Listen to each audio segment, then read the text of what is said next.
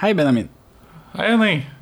Vil du fortsatt eh, anbefale 'Svikt' fra 2009 til noen? Nei. Vil du, Henning, fortsatt anbefale Svik fra 2009 til noen? Nei.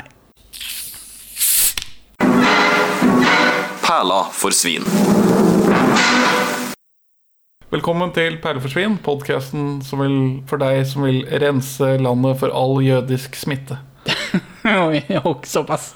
Vi er to middelmådige menn i 30-åra som ser norske filmperler, og dette er episode to av Svik fra 2009. Så hvis ikke du har hørt den første episoden, så må du gjøre det.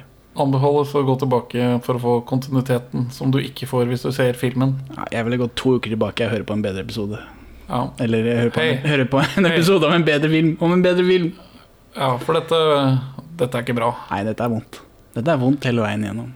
Manchmal ist der Tod eine Gnade. Hva skjer med Kåre Konradi? Motstandsmann altså, han, han også, kjent motstandsmann.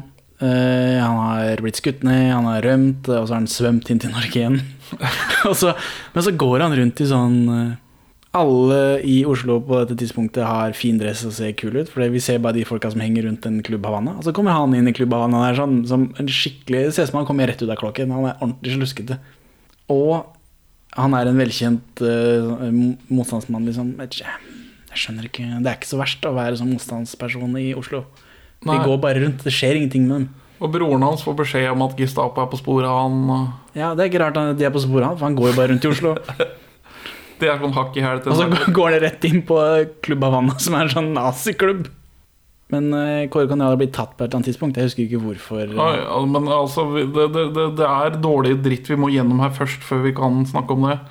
For nå er SS-duden på Klubb Havana samtidig, bare at i forskjellige deler av klubben. Ja, Otto Guts. Ja, og da får han beskjed av Aftenposten, som var en naziavis under krigen. Og ennå? Spørsmålstegn? Spørsmålstegn, spørsmålstegn, spørsmålstegn. Det er sikkert derfor de ikke stilte kritiske spørsmål til filmen. Eh, jeg vet ikke. og da en av vennene til Jørgen, eller Jørgen selv, sier at, han, at Krüger skal bli kåret til årets tysker. Som jeg vet ikke om det var en sånn kåring man hadde i Norge hvert år under krigen. Nei, men det var i juni, dette, så det var ikke så nøye. Ja, da, da, da prøver han igjen å fremstille som en sånn snappy, morsom type. Veldig hyggelig, selv om vi bare er i juli.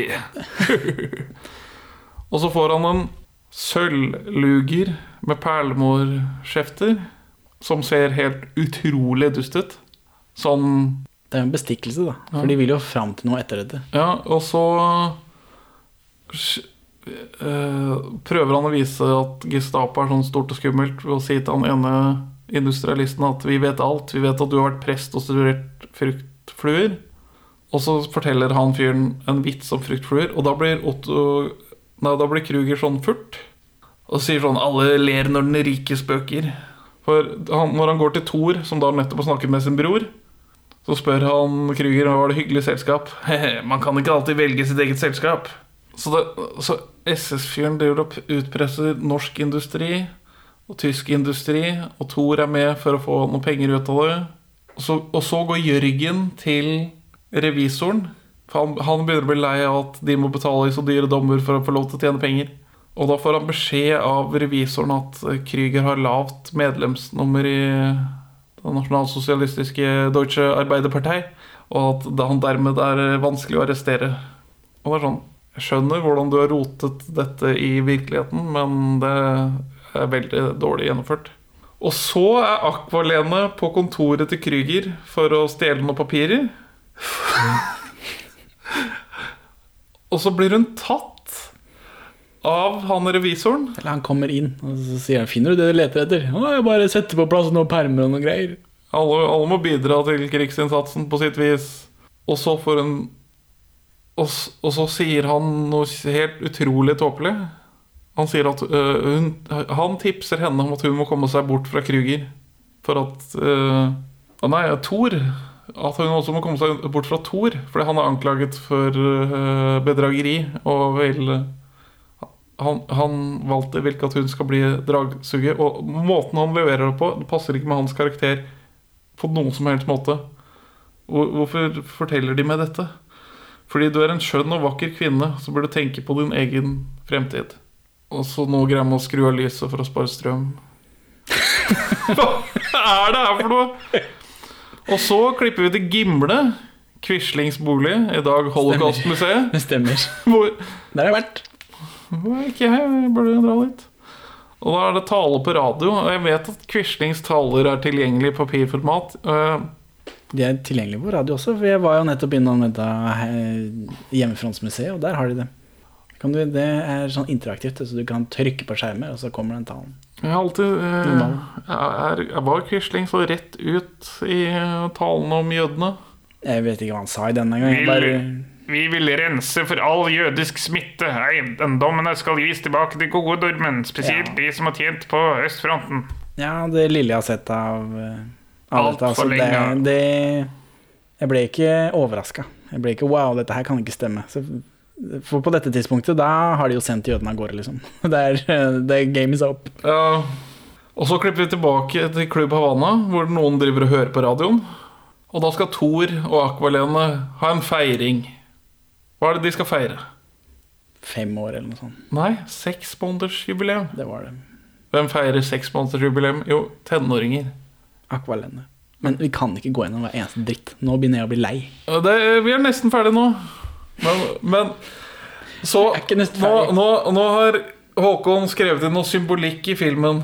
Hva er det hun får i gave av uh, Thor? Et nazismykke. Et utrolig stygt, glorete nazismykke. Det er en gullring med et diamanthakekors inni. Sånn at alle skal få se hvilken side hun er på. For Thor er furt fordi hun har fått, han har fått høre at hun puler på SS-fyren.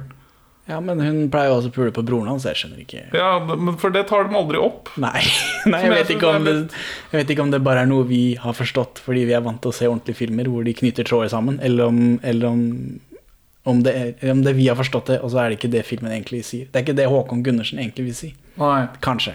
For, for han, vil, han vil vise at også de som er slemme, også vipper mellom tvil og lav selvtillit på det de driver med. For nå, etter dette, så møter han igjen Kåre Konradi. Er Kåre Konradi skuespiller? Hva er det han er kjent for? Eh, salig er de som tørster. Ja, for, hvorfor er Kåre Konradi kjendis? det er mest pga. penisen sin, sikkert. Da. Ja, Den kom seint inn i bildet. Nei, han er skuespiller. Han, hva er det han har spilt i, da? Salig er de som tørster, Concurling eh, Siste revejakta. Ja, for, Han er skuespiller. Og sikkert masse teater og sånn, som alle andre skuespillere i Norge. Ja, hadde kjent problemet. Så, for nå er da Thor lei av hele krigen. Så han tilbyr sin bror å skaffe kart over alle tyske for forsvarsverk langs kysten, For det er ikke noe stress. i bytte mot å bli smugla over grensa. For det er stress. Hva da? Å bli smugla over grensa. Men det å finne kart over alle forsvarsverkene langs kysten, det er ikke noe problem. Nei, det er null stress. Easy-peasy. Hva skjedde med din ariske stolthet, Thor? Jeg er drittlei hele krigen. Skildre så mye. Er ungdomsroman. Så, men så gir han beskjed til Sven, eller altså Kåre Konradi. Du må være forsiktig, Sven. De skal ta det allerede i kveld. Hvorfor? Hvordan? Hva? Hæ? London sent Sven to collect plans for the Nazis' new aluminum factory. Aluminum which would become Luftwaffe killing machines. Og så går han inn i bilen til Westworld isteden. Ja, Ingrid Bolse Berdal. Og så kjører de av gårde. De venter på noen som vi ikke har hørt. Vi vet ikke hva de skal, eller hva det er for noe, men det kommer en fyr med en bok eller noe sånt. Så, ja, og så tror de jeg ba om å skyte min egen bror. Man følger ordre, man nøler ikke. Ja, for Det eh, har kommet ordre fra London. Kåre Conradi har fått i ordre om å, å skyte Fridtjof Saaheim, men han gjør det ikke.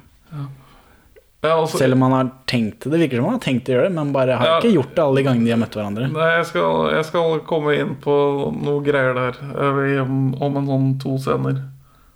For ja, de, du sa de venter på noen, Vi venter på en annen motstandsfyr som ikke vi har forklart hvorfor. som også går som han er en motstandsfyr. Ja, i, i mørke gater, tåke, mørke tåkelagte gater. Men i mørke Asbjørn Sunde. Jeg vil ikke forbi Men, den. men i tåka Benjamin Tom. eh, Benjamin eh, last name withheld. Last name withheld. Ja. Nei, så da blir jo han skutt. Poff, poff, poff. Han, Han, så, han, han som som kommer gående, blir skutt, ja. Og så da Nei, hopper ja. Kåre Conradi ut sammen med Ingrid Borse Berdal. De skyter litt, og så løper de. For det gud forby at de bare kjørte. De som satt i en bil. Was ist mit doktor Berger? Er wurde befordret an die Ostfront. Hun er hjemme hos Krüger. Lene. Aqualena er hjemme hos Krüger. Eh, som ikke, nå ikke lenger bor på Slottet. Det, så ikke ut, det var ikke samme sted, i hvert fall. Det var noe dialog i forbindelse med det slottgreiene. Det virka ikke som han, det var meningen han skulle være der.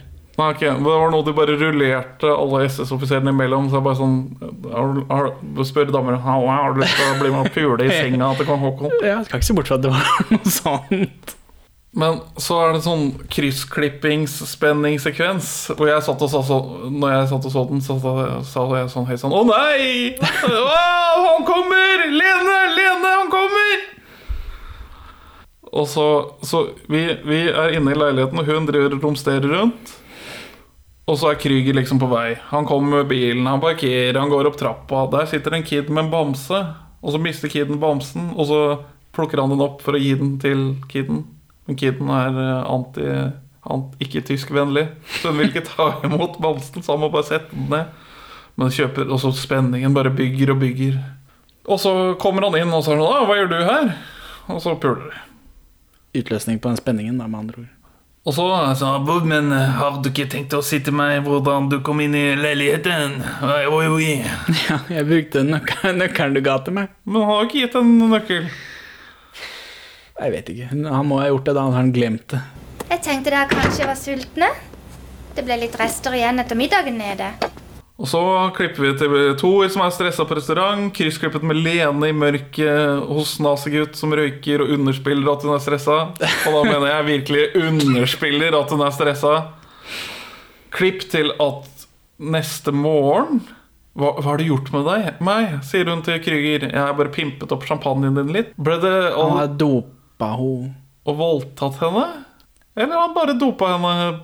Og dopa henne for at ikke hun skal følge etter han når han går. Jeg vet ikke. Vi får se puppen til Akvalene. Det er det viktigste. Det la jeg ikke merke til engang. Nei. Spol tilbake. tenkte, er dette Var det verdt det, da, Akvalene? Er det pupp i den filmen her? Var det verdt det? Ja, for hun har hatt et oppdrag om å få tak i de eh, oversikten over kystanlegg. For det er veldig viktig for Kåre Conradi. Og det er, det er filmens ticking clock av en eller annen grunn. Ja, og så kommer hun eh, Hun drar redusert til motstandsbevegelse, vaskeriet. SS-vaskeriet til motstandsbevegelsen.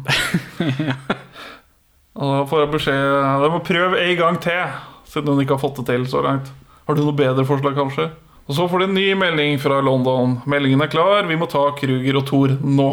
Og dette, altså Nå begynner Nå er det action. Nå altså for Endelig skjer det noe. Hva slags sjanger er den filmen her?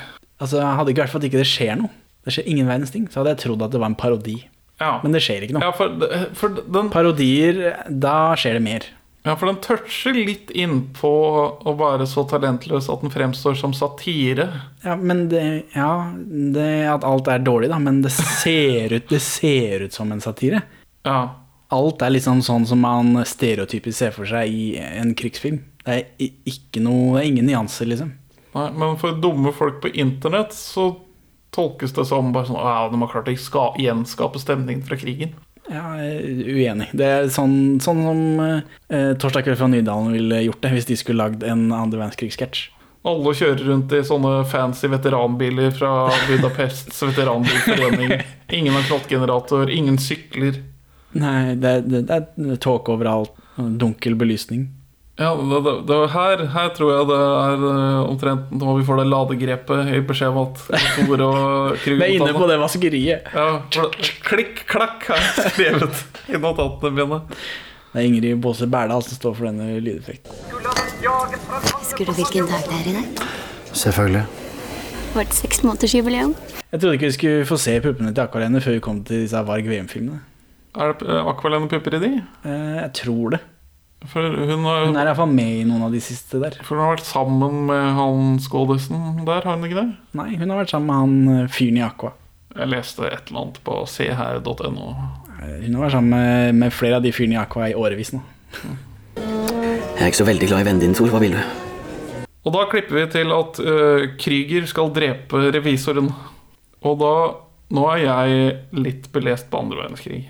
Så Thor og Jeg ser det der du sitter i naziuniformen din. Ja, sant det. Var det nødvendig å ta med den, da? Vi har på samme genser i dag, Henning. Vil du heller snakke om det? Er det det du vil? Jeg Det er på- mer interessant at vi begge to har tatt på samme genser, som er ny, uten at vi har koordinert det. Ja, for når jeg kom, kom med toget til Moss i dag, så har jeg på en fin ny genser jeg har kjøpt i anledning januarsalget. Ja, for å pynte deg for meg. Og så sitter Henning i bilen med akkurat samme genser. Så vi er nå en uniformert podkast. Men ok, så folk ble likvidert og sånt i krigen. Og Minister Dr. Lunde. for eksempel Spørsmålstegn, spørsmålstegn. Spør ja, det er den derre tvilssaken. Og tyskerne prøvde å skape antipati mot motstandsbevegelsen med å imitere deres teknikker og likvidere motstandsfolk som om de, for å få det til å se ut som om det er blitt likvidert av motstandsbevegelsen. For å skape splid innad i de forskjellige miljøene. Og frem til så sent som på 2000-tallet var da nazi-gjennomførte likvideringer oppført som motstandsbevegelsens drap. Så det, det er jo litt interessant, bortsett fra at det er gjort på en så tilbakestående måte, eller så utviklingsutfordret måte, at det blir latterlig. Ja, for dette her går rundt i hodet ditt når du ser på det, mens det tenkte ikke jeg på i det hele tatt. Han skulle bare ta han fyren, han. Ja, for Thor og Kruger står og henger på et gatehjørne, som Pål Bang-Hansen i Gategutter. uh, og så kommer Walter gående ensom og alene. For det er sånn nazihierarkiet er organisert, at eh, hver mann har ett enkelt ansvar, og så har de ikke noen organisasjon rundt seg. Nei, men Ja, kan ja, ikke gå rundt med masse folk hele tida, da. Det blir jo kanskje en slags satire på førerprinsippet. Og Det det. er ikke satire. ikke prøv det. Men så Thor blir stående og røyke, og så går uh, Krüger over gata og skyter Walter i magen. Korrekt? Jeg ser for meg at han skyter han i hodet, men jeg kan ikke ha fulgt med. Fordi jeg hater den filmen her. Ja, Han skyter han i magen, men han dør likevel øyeblikkelig. Så han må ha liksom truffet alle arteriene. Det er ikke som i, i eh, 'Mannen med den nakne pistol', hvor, eh, hvor OJ Simpson blir skutt masse, men de traff heldigvis ingen, ingen viktige organer. Så han sitter bare i rullestol. Og så kommer han seg igjen. For det som ikke blir fort... Altså, i en film som ellers har sagt alt i klartekst Altså, noen har sittet over et bord og fortalt hva som har skjedd eller skal skje. Så tar han Krüger og skyter han i magen, og så strør han over han med anti-nazi løpeblader fra den illegale pressen. Og det er da akkurat de løpebladene som de kaster over han, har jeg faktisk en kopi, en original av hjemme. Og det er da Var det blod fra den filmen her på den, da? Nei. Nei. Og, og de, de, men problemet med å bruke akkurat de løpebladene her, er at de er laget for å se ut som nazipropaganda. Men når du liksom ser nærmere på dem, så skjønner du at de er antinazistiske. Så for publikummeren som ikke tilfeldigvis eier en original av det løpebladet, så vil det se ut som han Krüger skyter den i magen, og så kaster han nazipropaganda over den etterpå. Jeg bare sånn Hæ? Det, altså, det lå noe bak dette, da. Alt det du forteller nå, det har ikke jeg ofra en tanke. Nei, fordi det er ikke fortalt gjennom på noen Nei, At han prøvde å fake et uh, motstandsdrap. Nei. Nei, for det er jo nesten litt interessant. Se, jeg sa jeg skulle bygge til noe interessant. Ja, ja, ja. Det tok bare 40 minutter. ja halvannen time. Men, Men da, et, da et, etter at han er skutt, så blir jo bare Altså, så Krüger går over gata skyter han fyren, og så stikker han. Mens Thor, han blir bare stående der og sigge. ja, altså for det rakner helt for Fridtjof Saaheim eh, nå. For det er ikke det siste Ganske nøyaktig nå. Ja, for det er vel det siste stedet du har lyst til å være.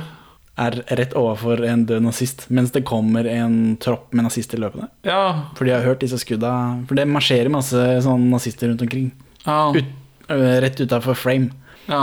Og i Oslo så hadde man jo noe som het Snell kommando, som var en sånn utrykningsstyrke som skulle være veldig raske på ballen hvis motstandsbevegelsen falt på noe piss. Ja, men vi så de vel også marsjere rundt. Ja, Snell kommando brukte ofte kjøretøyer for å komme seg fort rundt i byen. De hadde ikke en sånn løpepatrulje det Nei, nei, men disse her gikk jo forbi før noe skjedde. Jeg så det var en gjeng med sånne nazister som bare var ute og marsjerte. Så det er nok de som bare har snudd. Ja, så Thor burde bli drept her. Kunne ønske jeg fikk en så fin gave. Tro meg, Lise, du har det i deg. Mener du virkelig det?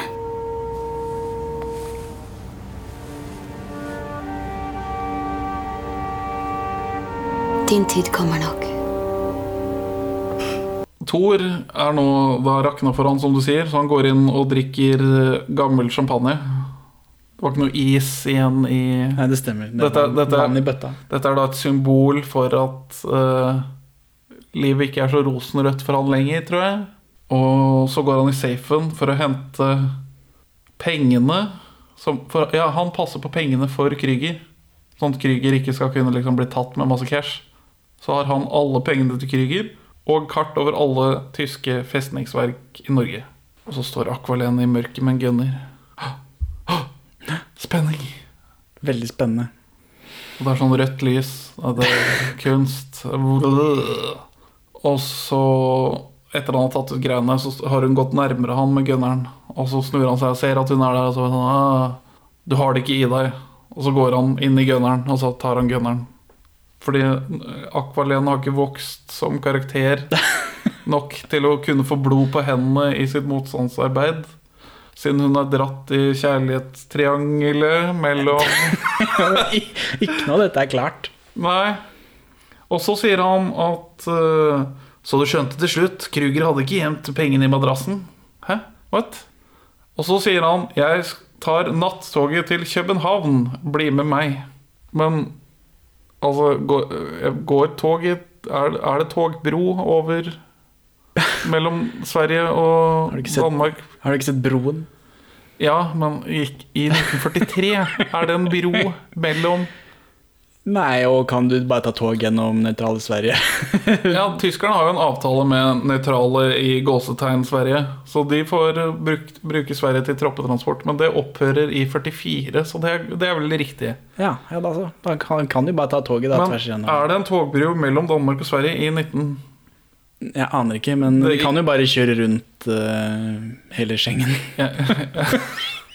Det blir lang togtur. SS Schengen. Ja. Men, men hva vil det hjelpe å dra til København? Som også er Kommer seg- okkupert av tyskerne. Ja, kommer til unna folk som vet, kjenner trynet på ham, i det minste. Det er sant. Finner du noe av interesse? Disse nye berlinermotene er virkelig imponerende.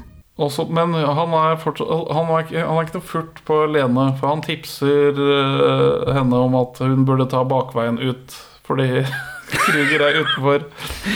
Og, Si, ikke si bakveien. og så marsjerer den nazister forbi igjen. For den skjøt han rett utafor den klubben som de begge er sterkt knyttet til. Uh, og så er Kon Kåre Konradi og Inger-Lise Rypdal i skyggen. Inger-Lise Rypdal. Ingrid Bosse Berdal. Ja, sånn var det. Og så kommer norsk industrimann, spilt av Jørgen, og sikter på Thor. Om de allierte vinner krigen, er mappe, mappen like ødeleggende for meg som for deg. For det, det er ikke bare kart over Det er visstnok ikke bare kart over festningsverk og penger. Det er også noen papirer som viser samarbeidet mellom norsk industri og tyskerne. Gi meg mappen! Så han og skurkebarten hans. Og så, og så kommer eh, hva, hva, heter, hva heter en sånn som gir deg plass på restaurant? Consigliere, er det det?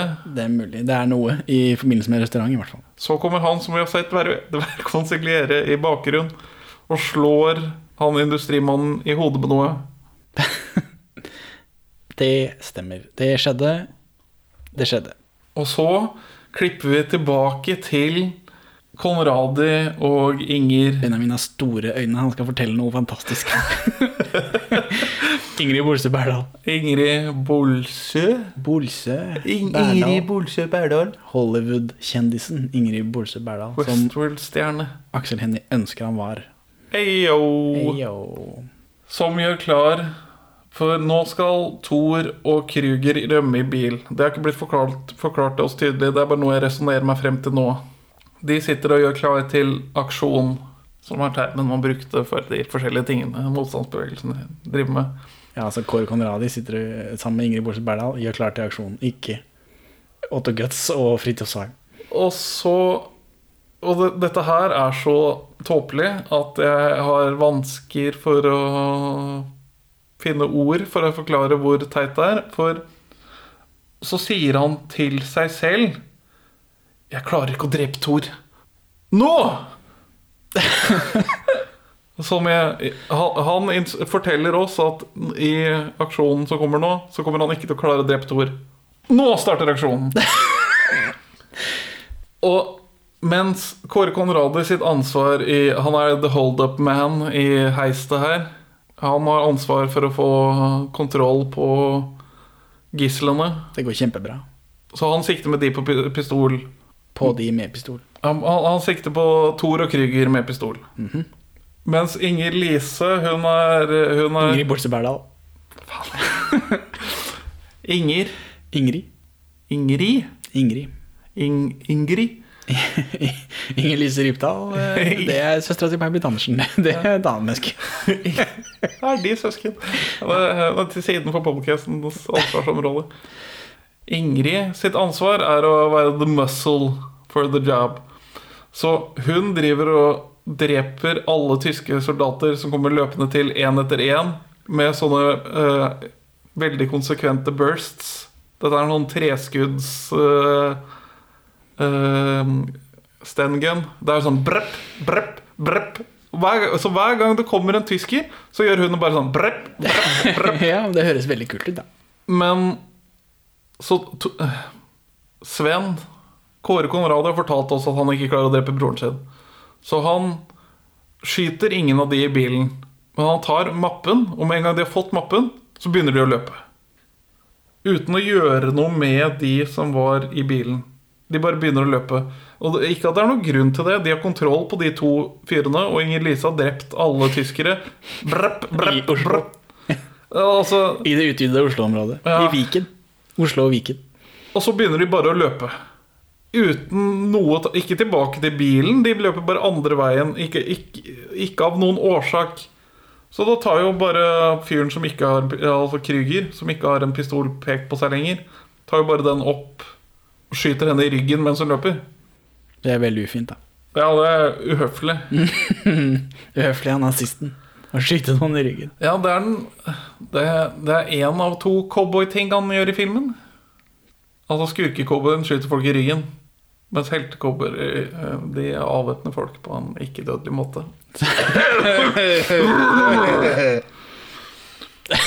det kommer Det er også notert meg. Jesus. Jesus fucking Christ. Men først Kåre Konrad blir fanga. Jeg klarer ikke drepe Tor.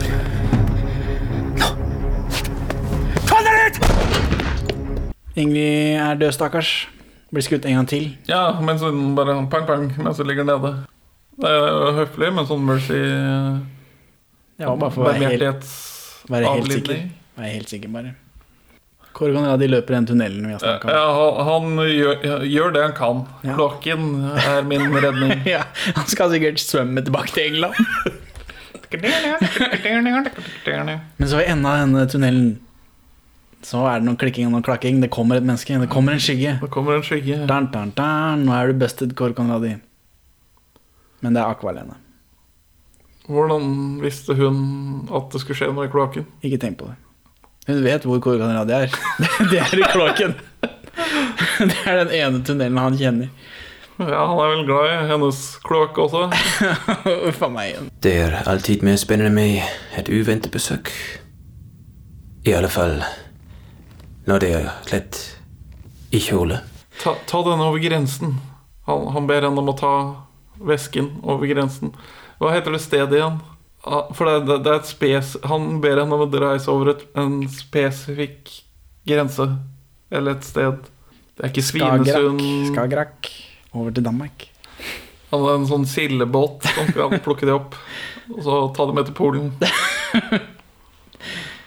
Donau, da. Hei yo. Ta Donau over. Det er ikke før 44 den ble senka. Nei, ser du. Nei, jeg vet ikke. Det var motstandsfolk som kapra båter og reiste til England på den måten. Og Er det det vi ser Lene, Aqualene gjøre, da? Nei, for hun får beskjed om å dra til en grenseby. Det heter noe sånn Kåreby eller et eller annet helt tilbakestående. Noe helt utviklingsutfordret. Det skulle ikke bli slik.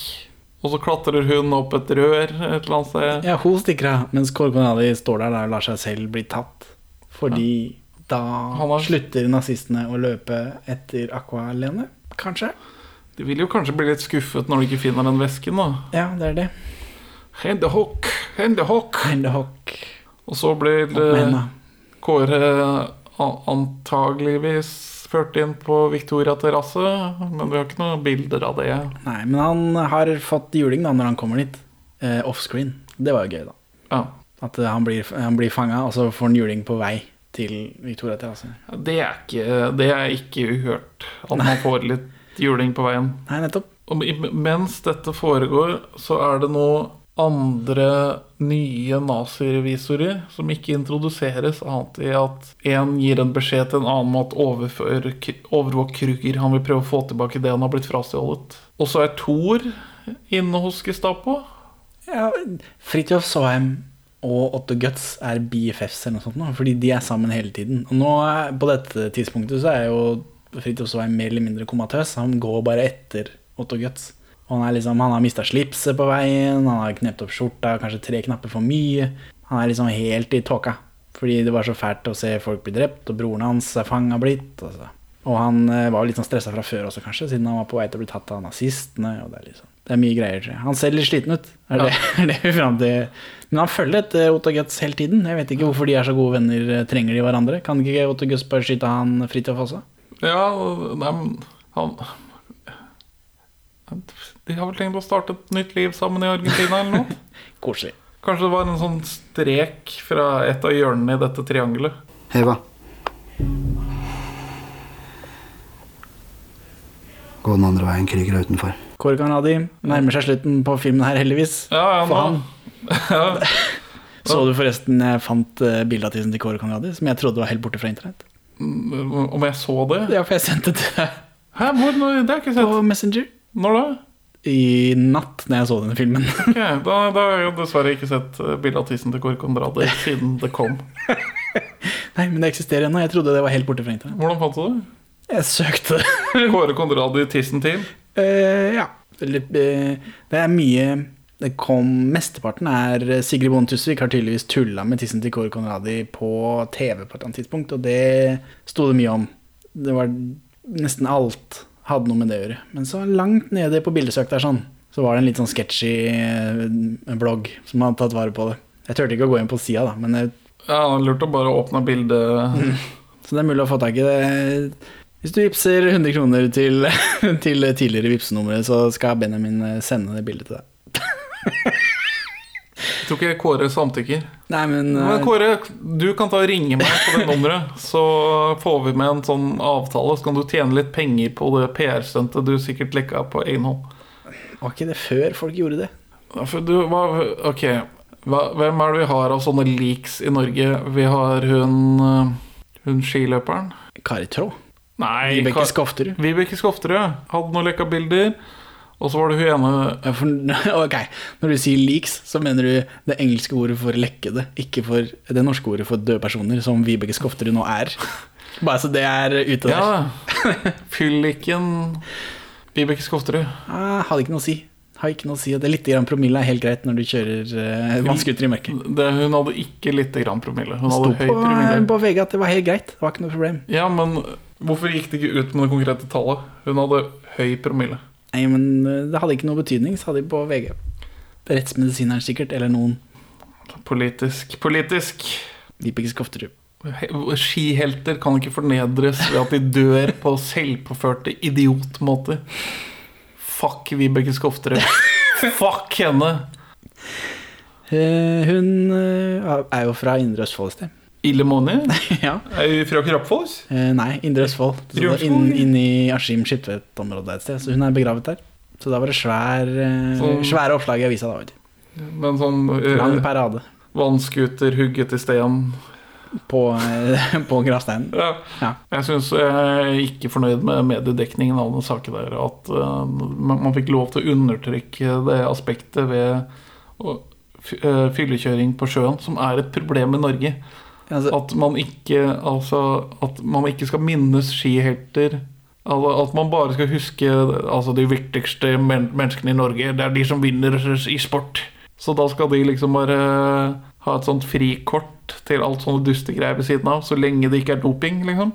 det er godt du var tatt opp i, den, denne, i, på, i dette relevante forumet, som er eh, en podkastepisode om svik. Ja, hvor vi egentlig skulle ha et sidespor om hvilke kjente nakenleaks Ja. ja, Rune Rudberg er jo av selve ansiktet til slupne nakenbilder i Norge. Dukker opp i sånne morsomme eh, Finn-annonser og sånt i ny og ne. ja, det kan hende. Det, det er jo håndballspilleren nå, da. Som ikke Jeg har aldri engasjert meg for håndball, så jeg husker ikke. Ja, nå vil jeg droppe det temaet, kjenner jeg. Ok. Nå, det var for gæli. Men, men døde idrettshelter, det er innafor. Det var en spøk på at hun har tatt alle som har delt bildene hennes til retten. Vibeke Skofter? Nei, hun eh, håndballspilleren Å, ja. Nora Mørk. Det kan stemme. Men det eneste jeg kjenner henne for, er, denne, er disse nakenbildene. Ikke håndball, for det føler jeg ikke med på. Vi klipper denne delen her, så går vi tilbake til hvor vi var. Du har ikke i deg, hva? Vi tar nattoget til København. Men så Kåre Konrader blir, blir torturert av Gestapo, eller SS Kruger. Og så er broren hans driver og trasker rundt i gangene. ja, for han er alltid med. Og så får han sånn, en sånn familievisitt. Ja, for altså, Otto Götz og Fridtjof Saaheim er eh, mer intime enn noen andre i den filmen her. De er innafor utenpå hverandre, tydeligvis. De kjenner hverandre. De, de elsker hverandre på dypt nivå, som ikke vi kan forstå. Ja, de er nesten som brødre. Ja, omtrent. Så da får han hilse deg på Kåre Conradi, som jo har vært borte en stund. Og liksom Du er nødt til å fortelle han noe! Han skyter deg, Sven! Dette familietreffet er over. Jeg er en kjempegod skuespiller som heter Kåre Conrad. Ikke, ikke gå fra meg, Tor. Ja, men det, det var noe. Da kjente jeg ja, endelig. Du her er noe. følte noe når det skjedde? Nei, men, det, men dette kunne vært noe. Det kan jeg ikke si jeg har sett før, egentlig. Eller her er du inne hos broren din som, som kommer til å dø fordi han ikke vil sladre på vennene sine, og så ber han deg om å ikke gå. Hva gjør du da, da? Han har ikke noe valg, han må jo gå. Ja, men, eh, men jeg satte meg selv i den situasjonen, og så kjente jeg aha, dette kunne vært noe. Jeg ser på meg deg og broren din som motstandshelter. ja. Åssen ser det ut? Litt rart, men Ja, det er ingen av oss som har sett en sykkel noensinne, så det blir vanskelig. Hei ho! Dere løper ut under sprengningen, setter deg på sykkelen og detter. Ja, eller vi har ikke sånne sykkelkropper. Lance Armstrong-kropp. Du er nødt til å fortelle han noe.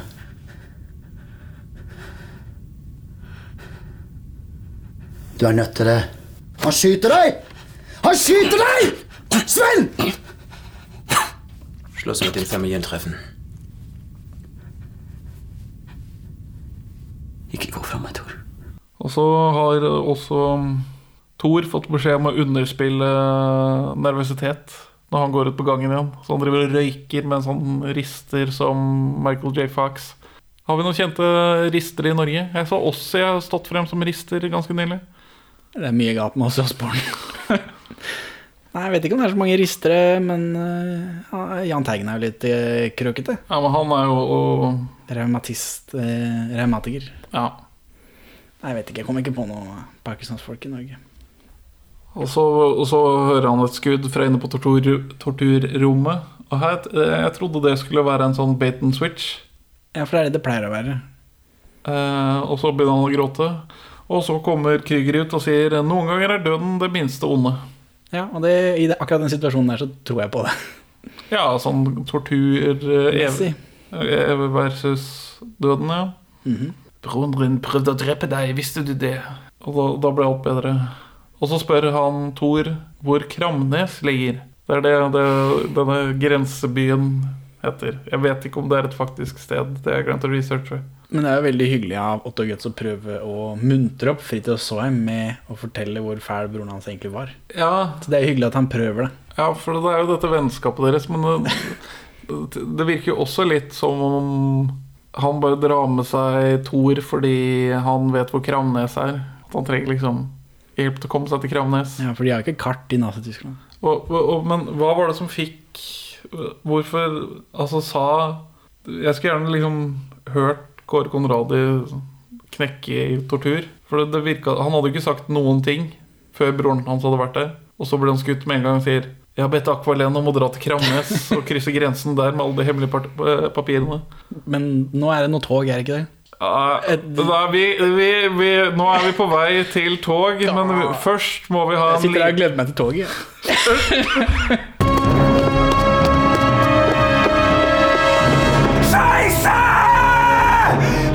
Jeg spurte deg tidligere. Hva for en sjanger har den filmen her? Ja, jeg svarte det ville vært en satire om det hadde skjedd noe.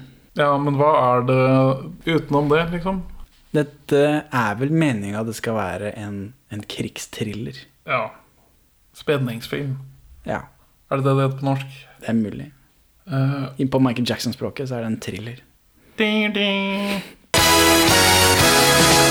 Så den, den her filmen forsøker å gjøre noe som liksom ikke har blitt gjort tidligere i norsk film, og det dekker disse sidebitene. For en gangs skyld en krigsfilm som ikke bare er Se så flinke vi var under krigen. Heia Norge. Ja.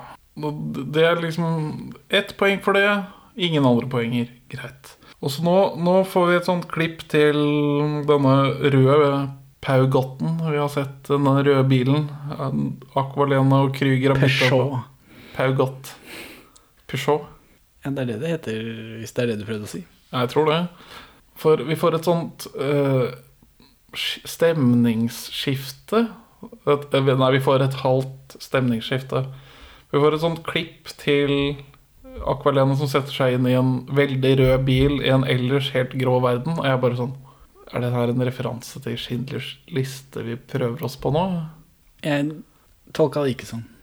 Eh, det var altså alt i dette ene skuddet, så alt grått, og bare bilen er rødt. Og så er det litt rød på en plakat. Det er som man gjør når man lager pretensiøs film. For nå er det ikke lenger en thriller. Nå er det en forviklingskomedie.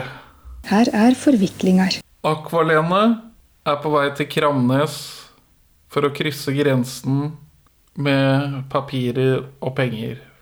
For å levere det til en representant fra London. Antar jeg. Hvis ikke hun bare skal beholde det. Og så skal Thor og Kruger til Kramnes for å stoppe Akvalene. De er på sporet. Ja. Og så er Spesialenheten for Gestapo-saker på vei til Kramnes for å ta Thor. Nå, det, dette er jo et klimaks der, hvor alle de løse, dumme trådene eh, legger seg oppå hverandre. Det er en knute Ja. på alle de løse, dumme trådene. Og indis, øh, øh, personifisering av, av norsk Jørgen Langele. industri, Jørgen Langhelle, skal til Kramnes for å få de papirene som kan avsløre, samarbeidet og eller pengene. Så altså ja. Hæ? Det er jo veldig bra at eh, alle disse dumme trådene legger seg oppå hverandre på et, eh, i et uh, hesblesende klimaks. Ja, for uh, Det blir veldig spennende, dette. Ja, for altså denne bensinbilen med full tank kommer seg, kommer seg til skogen ved Kramnes og kjører gjennom en tysk sperring. Idet de får beskjed om at de må stoppe noen som skal kjøre gjennom den sperringen. Det er sånn, Han tar, han tar telefonen i vaktbua, og så får han sånn beskjed ja, det kommer en rød bil, den må dere stoppe. Idet hun kommer kjørende. ja, blæster gjennom den, den sperringa. Og så skyter jeg etter henne, men det har ikke noe å si. Treffer ingenting. Eh, og, hun, og nå, nå endelig underspiller hun frykt, for det syns ikke i det hele tatt. Hun som har blitt ristende nervøs i alle stressituasjoner Jeg tror, tidligere. jeg tror de bare filma henne som kjørte, og så har de lagt på skytinga etterpå. Jeg er litt overraskende over at det faktisk er filma at hun kjører. At noen har giddet å montere en rigg på en ungarsk veteranbil. Og så, i, igjen forviklingskomedie, motoren hennes fusker.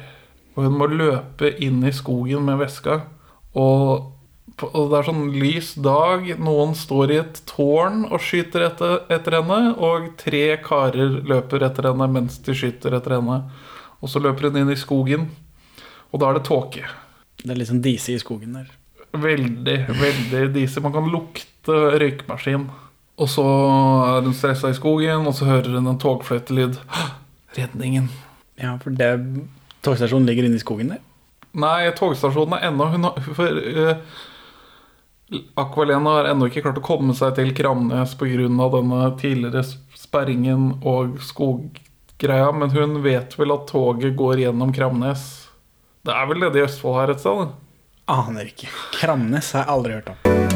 Nå skal vi prøve søkeverktøyet Hotbot. Det er nytt og ganske fancy. En liten konkurrent til Altavista f.eks.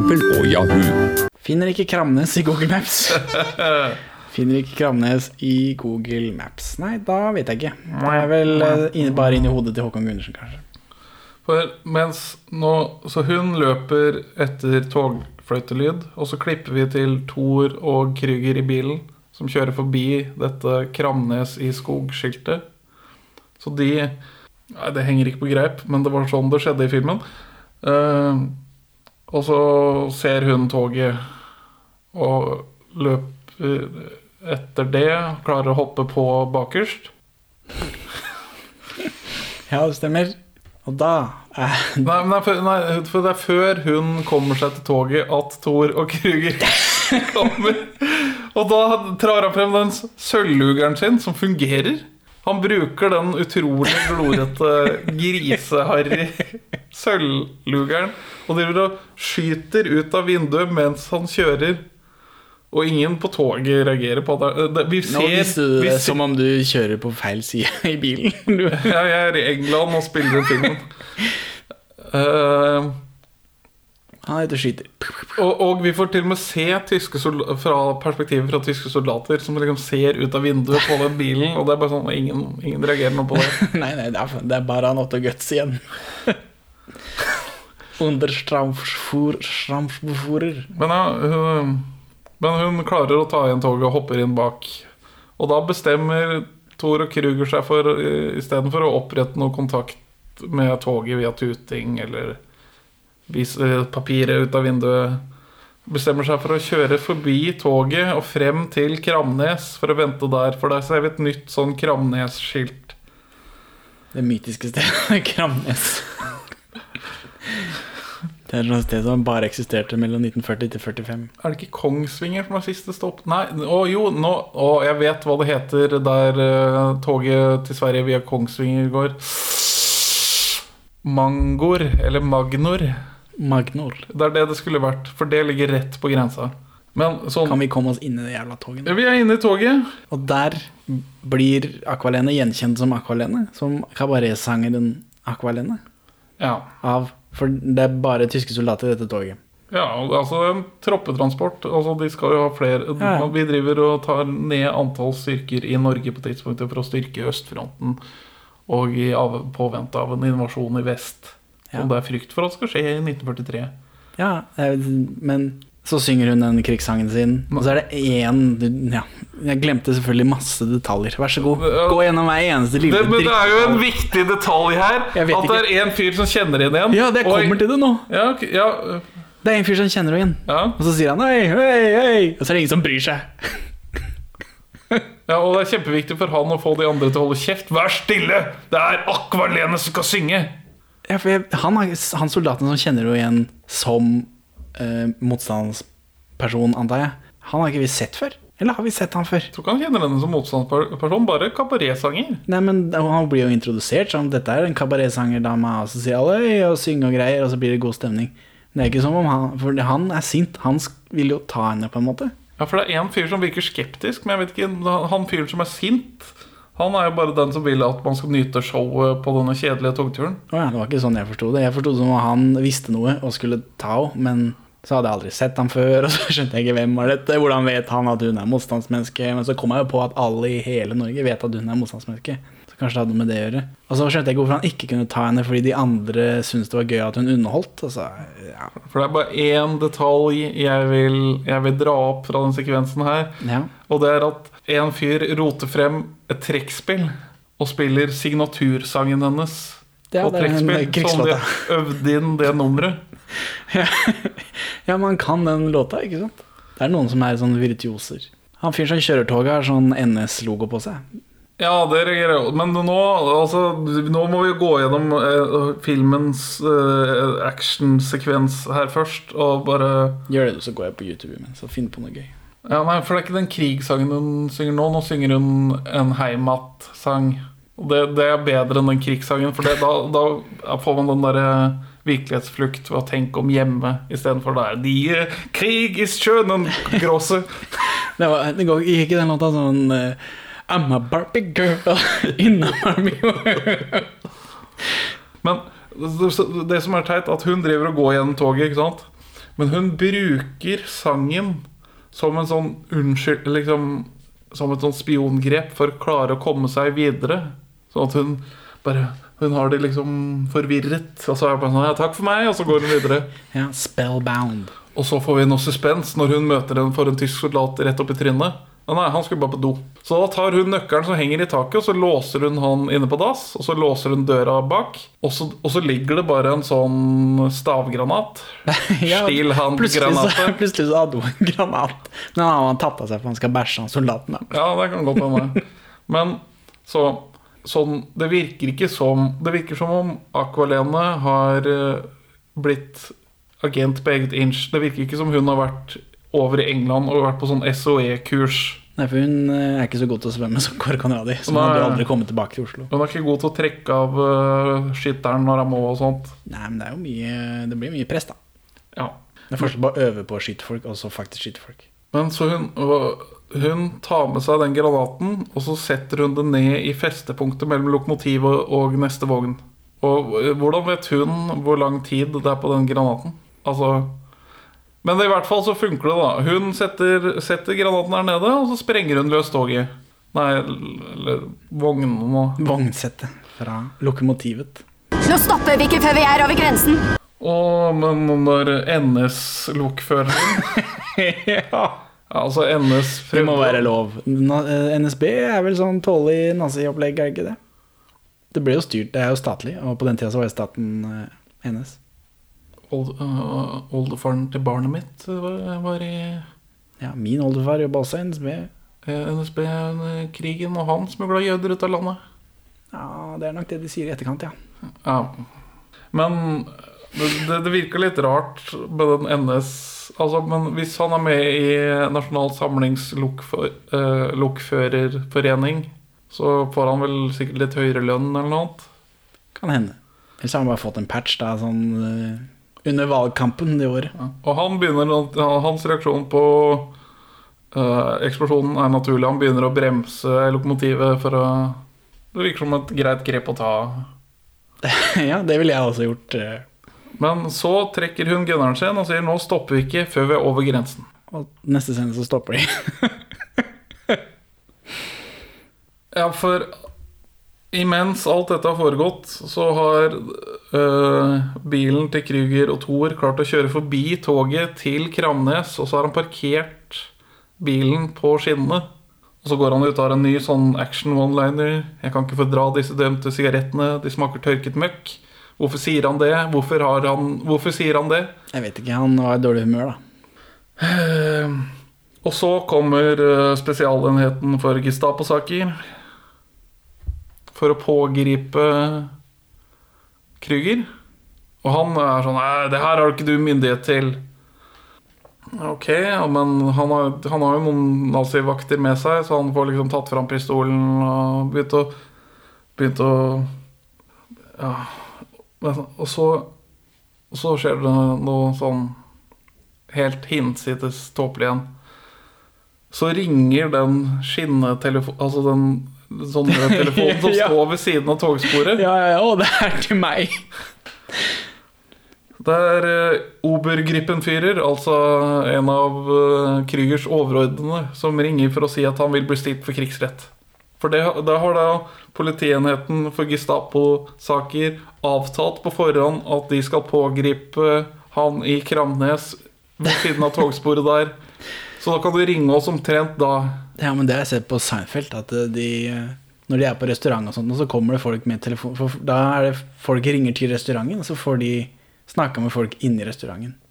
Ja, sånn var det i gamle dager. Men Ja, helt før sånn mobiltelefon, og det, sånn var det sikkert langs togskinnene også. At du kunne ringe til den og den telefonboksen, eh, for da visste du at de skulle være der. Men jeg så det og tenkte ja ja, det, jeg har sett det på Seinfeld. Det må, må stemme. Og så får Krüger beskjed av Gestapo-enhetmann at deres tid er forbi. Ikke slik jeg oppfatter det. Og så tar han gunneren fra en av vaktene sine og skyter alle som ikke er Thor. Peng, peng, peng, peng, peng. Ja, veldig sakte. Ja, Hvorfor, hvorfor er han plutselig sånn actionhelt? Hvorfor skal han være sånn action... Han er actionskurk. Actionskurk? Ja, det er du som identifiserer deg for mye med han fordi han har fin uniform på. Og så kommer toget, lokomotivet som Akvalene har shanghaiet. Og det stopper når det nærmer seg.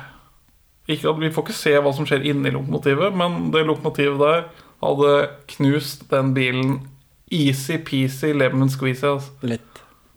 Uh, vel ende krabber ut, antar jeg? Eller er det noen bitte små detaljer du skal ha med før vi kommer nei, nei, nei, nei. Ja, Men hun går ned, så det, legger den der eh, damp, dampen seg Legger seg over sporet, sånn at hun er litt sånn action badass når hun kommer gående ut og peker gunneren. Men vi vet jo at hun er litt treg på avtrekkeren. Kan være. Kan være. Hva, hva er det som skjer? Hva, jeg, jeg refererte tidligere her til at eh, Krüger gjør en cowboyskurk-ting og skyter noen i ryggen. Hva, hva, er- det som skjer nå, Henning? Nå eh, Otto Götz skyter Aqualenes pistol ut av hånda hennes. Så som en westernhelt. Ja. Det er det Det var rart. Det, og så kommer det sånn pling-lyd, og, Ja, så, så og så det sånn, øh, kommer hun med sånn øh, stønn. What? What the fuck? Og Ja, jeg, skal, jeg har skrevet den her Skjøt tyskeren gunneren ut av hånda på Aqualene? Og så sånn le-smiley. for da lo jeg høyt. Og, og nå igjen dette forviklingskomediegreie. Altså, hun må komme seg gjennom toget, alle er på vei til Kramnes. Men nå har jo Otto Götz har jo henne dead to rights. Hun har ikke gunner. Hun står der, stakkars. Han vet jo at hun er sånn motstandskvinne, og nå skal han endelig ta, ta initiativet til å drepe henne. Det var virkelig synd. Eller noe sånt, sier han. Vet ikke. Og, og, og hva skjer så? Det blir avfyrt et, et skudd off-cam. Ja. Men er det, er det tyskeren, da? Eller er det Hvordan skal det gå med stakkars Aqualene? Som nå Det har blitt avført et, et skudd rundt henne. Tyskeren peker en pistol på henne. Det, det kan bare bety at hun har blitt skutt, men nei! Det var tyskeren som ble skutt. Ja. Flaks for Aqualene. Endelig, det er Fridtjof Saaheim. Han har eh, tatt, eh, tatt mot til seg. Hans redemption arc. K- Kanskje. Er, er fullført. Altså, men så er det enda et skudd, og nå begynner det å bli tullete. For det er altså nå lo jeg så mye. Nå Enda et offscreen-skudd. Og da er det Jørgen Lange Ja, som, som skyter Fridtjof Svaim i ryggen. da Så ja. Og Fridtjof eh, rekker heldigvis å få ut en one-liner. ja, for, nei, han, han drar frem en sigarett. Altså, Ja, han fyrer opp den. han, han blør som faen fra magen. Skuddet det gå tvers gjennom. Flaks at det ikke traff Aqualene. Han trekker opp en sigarett, fyrer opp den og sier Kan faen ikke stole på noen lenger. Og så dette er han dau. Hæ? Og, og da står vi med, med Jørgen Langelle, da. Og, og Akvalene. Så Lene tar opp Akvalene tar opp gunneren igjen, peker den mot Jørgen. Hun tar noen papirer ut av veska, men lar pengene ligge igjen. Og så kommer han joggende mot henne, og så sier han, og så sier han 'Hva faen hadde du?' Ikke noe mer enn det. Og så ser han at det ligger masse penger der, og da er han bare sånn Og grafser det til seg, selv om hans mål var til papirene. Ja, men du blir, er du liker penger, så blir det lett distrahert. Ja, det er sånn, ja, Industrien bryr seg bare om penger. De klarer ikke å tenke bla, bla, bla, bla, bla. Ja, så nå er det altså farse, forviklingskomedie Ja, for når de liksom sto sånn lina opp alle sammen, da begynte det å bli tullete. Ja, sånn, på tredje-fjerde skuddet der. det, altså man, Tenkte jeg, nå kommer det noen bak han som skyter han igjen. Er det uh, Ingrid Bortsett Berdal kanskje som dukker opp bak der? Hun kom seg igjen. Og med bandasje rundt armen. Skyter Jørgen Langelle. Det burde vært en torsdag kveld fra 90-tallet, en sketsj hvor han bare gikk inn i evigheten. Jeg kan ikke fordra disse fordømte sigarettene. Smaker tørket møkk. Så hun går, kaster det der glorete hakekortsmykket sitt til siden. Og så kommer noen tysker og skyter mot industrialisten. Men han kommer seg videre. Og så går vi tilbake for andre gang til rammen til filmen. Ja. Og er det en såpe? Denne rammen, er bukken en såpe? For det ser sånn ut. Det, det er, han har leid et såpeoperacrew for én dag. Jeg vet ikke om han har off-seasons eh, for såpeoperaer hvor de bare står langs bla, bla, bla Boulevard i LA og bare will lage flat TV for money. ja, det kan hende. Eh, Men det skjer noe i denne bukken også. Ja, for Her altså får vi enda en forvikling. Hvis du trodde den forrige sekvensen var så tilbakestående utviklingsutfordret som denne her filmen kunne bli Så eh, Ja, si det, da. Si det, da. Så vi klipper tilbake til rammen, og da har Bestemor sitter og prater med barnebarnet. bestemor mamma fortalt til sitt uh, barnebarn at uh, hun dro til I met Alan in London and married him. And I got a beautiful daughter and granddaughter. Og så kommer det the shocking reveal. But I was already pregnant when I went to London. And when I saw her face, I knew Kruger was her father. Her, eh, om ikke jeg hadde dette ut fra før av, så begynte jeg liksom ah, Nå har vi gått gjennom en hel film, og så er det liksom Nå skal de twiste. I never told grandpa. Så Alan visste aldri at han ikke var faren. Ja, Og hvordan reagerer dattera på dette, da? På å få vite at hun er halvt, ikke bare halvt nazist, men SS-barnebarn. altså faren hennes eh, krigs... Eller farfaren hennes var krigs... Nei, morfaren hennes var krigsforbryter. Og hennes biologiske tilsynelatende biologiske bestefar var ikke det. Og det er bare Hvordan, hvordan reagerer hun på det? Hun tar det ganske kullig. Ja, og sier, so you said goodbye to your country and your life, had a baby and moved to America. Det er hele reaksjonen hennes på hele denne fortellingen, og sjokket på slutten, som omhandler henne i enorm grad. Det glir godt inn i resten av filmen. So you. You said goodbye to your country and your life. Had a baby and moved to America. Så bestemor, hun går ut i hagen etter å ha liksom fortalt de greiene her, og dattera har reagert sånn. Ja. Ja, det ja, stemmer sikkert det du sier. Du begynner å bli gammel og tullete, tenker du. Så hun går ut i hagen, og så hører hun en togfløytelyd. Altså hun flasher tilbake, denne PTSD-rammede Aqualene. og så går hun langs en sånn rett sti hun har i hagen, en sånn, liksom sånn steinheller bortover. Og så filmes det flatt rett på. Og hva skjer så? Da, da flasher vi tilbake. Da. Vi fader tilbake. Til et ish likt klipp. Altså samme type billedoppbygging, men ikke, ikke helt. Nei, for de har jo filma akvalene først, da. Og så et halvt år etterpå Å, faen, vi må filme noe mer. Vi må ha inn en bukken. Ja, Var det der filmens egentlige finale stående helt alene? Det, åh, Jeg vet ikke, for Akvalene går på togskinnene, og så kommer det en fyr og sier I didn't expect you. Ja, det hopper, en fyr ut, det hopper en fyr ut av buskene med hatt. ja, På engelsk. Så vi har et helt flatt bilde av hun som går inn i eh, togspor rett frem inn i evigheten, og så kommer det en fyr ut av buskene i hatt. I didn't expect you.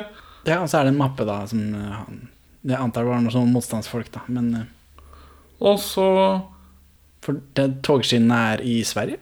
Ja. Og han engelske motstands... Eller han engelske fyren er også i Sverige Ja. for å ta imot den mappa. Ja. Og så hopper han inn i busken igjen. Ja, og hun fortsetter å gå videre. Det er ikke sånn at motstandsbevegelsen eller den organisasjonen til britene har noen sånn måte å få folk videre Eh, Hvordan kommer Nei, jeg vet ikke. Det var, det var veldig veldig rart. Men har du tenkt noe over, har du reflektert noe over at, eh, at Akvalene her spilles av to sangerinner? Nei. Nei. Er Kanskje det det er en grunn til at de valgte én sangerinne fra Mamas and the Papas', og en sangerinne fra Aqua. Jeg har ikke helt inntrykket av tilfeldig? Håkon som en sånn gjennomtenkt type. Du har ikke det. Han Men det er jo påfallende. da. Det er jo påfallende. Uansett, tilbake til Aqualene. Er, nå er filmen ferdig, håper jeg. Eller har du noe mer Nei, nå er filmen ferdig. Nå kommer den bare og en sånn tekstcrawl om bombingen av Herøya og sånt. Ja, og her klikker det for meg. Var dette liksom en film om, norsk, om Hydros eh, nazimedvirkning? Det hadde ikke jeg fått med meg i det hele tatt. Nei, det, det, det er jo det Langhelle er uh, representant for. Jo, men at Også er det det- fantes shady businessmen, det var helt greit for meg. Men at det, at liksom det hadde noe med, med noe ordentlig å gjøre. Ja, for- Norsk Hydro, liksom. Ja, det, men det- gikk meg hus forbi. Det, det, derfor jeg vil snakke om det fabrikkbesøket og sånt i stad. For det er jo snakk om en ekte greie fra Grien. Men det kom ikke fram før i scrollen på slutten. Nei, ikke tydelig, men det ble alludert til. Jeg, jeg fikk det med meg, men jeg er kjent med historien fra før av. Og jeg vil anbefale en dokumentar som ligger på NRK istedenfor den filmen her. Se heller 'Hakekorsets profitører' fra 2014-2015. Som er en dokumentar på en time som forteller historien om Norsk Hydros samarbeid med nazistene og bom, eh, sabotasjeforsøk for å stoppe aluminiumsproduksjonen på Herøya og bombingen, og dekker slavearbeid-greiene dypere. For her alluderes det bare til slavearbeidere Eller nei, vi ser vel én fyr bli Ja. mishandlet. Ja. Og så nevner de russiske fanger sånn. Men uh, det, det kommer til siden for den farsen her, da. Så Benjamin, vil du anbefale noen å se 'Svik' fra 2009? Dette er superræva. Skikkelig, skikkelig dårlig. Jeg er ikke noen sånn Max Manus-fan. Jeg syns den er helt ok. Den er ikke spesielt bra. Men det her, altså året etter Max Manus, er jo helt katastrofe. Jeg fant en artikkel om kultursjef Altså kinoansvarlig i et eller annet distrikt på Østlandet. Uh, og han er sånn her ja, Hva kan vi vente oss på kino neste år? Vinkel på en sånn artikkel i Glåmdalsposten eller noe annet. Flåklypa tidene. Altså, ja, det, uh, med rekordbesøkende til Max Manus året før skal det bli spennende å se hvor mange som drar for å se Svik på kino i år. Og den fikk jo ren slakt. Ja, det er en drittfilm, da. Men ikke så sterk slakt som den fortjener. For det er jo en og annen som sier at å, dette er spennende, og, og vi får se sider av krigen som vi ikke har hørt om før. Ja, men det er masse rare folk der ute. Det skal du ikke tenke på. Ja, nei, men faen da. Men, altså, eh, men ja. det var, jeg tror det var 5000 som så den over åpningshelga. Så disse folkene som ikke har blitt dytta vekk av dårlige anmeldelser ja, jeg, så, jeg så et take på kinotallene er at filmens målgruppe er dessverre av den typen som leser filmanmeldelser. Og for disse neste 10 000, hva er det som driver dem til å gå og se den her på kino? Det må være at det er fullt eh, i de andre filmene. Og de har eh, dratt ned dit, liksom. Så hvorfor ikke? Eller så er det slekt og venner av Aqualene. Men jeg har notert meg at det skulle vært interessant å se Max Manus igjen, bare for å se hvordan eh, det skal gjøres. Det er så lenge siden. Den Den er i det minste kompetent filma, da. Den er kompetent filma og har et helt greit manus. Det mangler et eller annet Det er for lite Aksel Hennie, er det det du sier? Det er for lite eh, Asbjørn Sunde. Du og disse kommunistene dine. Kan faen ikke stole på noen lenger. Hvorfor vil ikke du anbefale denne filmen her? Fordi det er en drittfilm. Fordi det er en drittfilm. Fordi det er en drittfilm. Ha det bra, Benjamin. Dette er den dårligste filmen Ha jeg har sett. Dette er den Ha det bra, filmen jeg har sett. Eh, ja, på sånn rent eh, Rent dårlig Ja, rent Det er ikke noe underholdende å gripe fatt i. Nei, det er, det er de tre punktene hvor det blir så latterlig at det blir morsomt. Men, men er den, hold, den holder ikke den jevnt og trutt. Nei, nei, nei, nei. Jeg tror jeg er gæren. Det er, men det er, det er jo 1 time og 20 minutter før vi kommer til de tre dumme punktene. Ja, eller jeg, jeg lo en del under den kong Haakon-pulesekvensen, hvis det er lov å si. Ha det bra, Benjamin. Nå orker jeg ikke mer. Ha det bra, Henning. Takk for at du hører på Perler for svin. Du finner oss først og fremst på perleforsvin.no, men også på Twitter under perler-for-svin, Facebook som perleforsvinpod, eller du kan maile oss på perleforsvinpod at gmail.com. Gi oss gjerne en eh, rating i din lokale podcast-avspiller, og, og legg igjen en beskrivelse, så folk skjønner hva det er for noe tull vi egentlig driver med. Her er ukas Pål Bang-Hansen-sitat ute av kontekst. Hun prater dritt.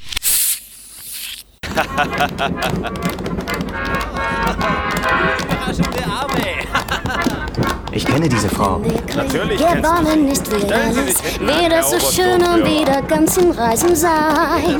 Die flotten Leute ziehen noch einmal hinein, unter den Linden spazieren gehen. Ihr müsst mir zuhören! Ich komme mit, wenn der Krieg vorüber ist, dann werde ich noch einmal meinen Liebsten endlich wiedersehen.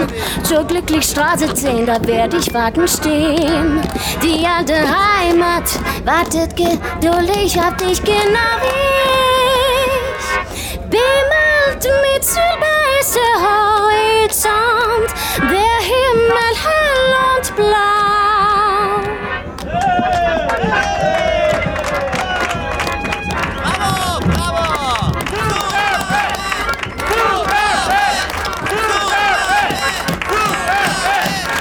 Da spør du meg hvorfor vil ikke du anbefale denne filmen. For jeg glemte å spørre deg akkurat om det. Jeg bare gjentok åpningsspørsmålet vårt, fordi nå har vi sittet her i fire timer, og jeg vet ikke hva jeg skal gjøre.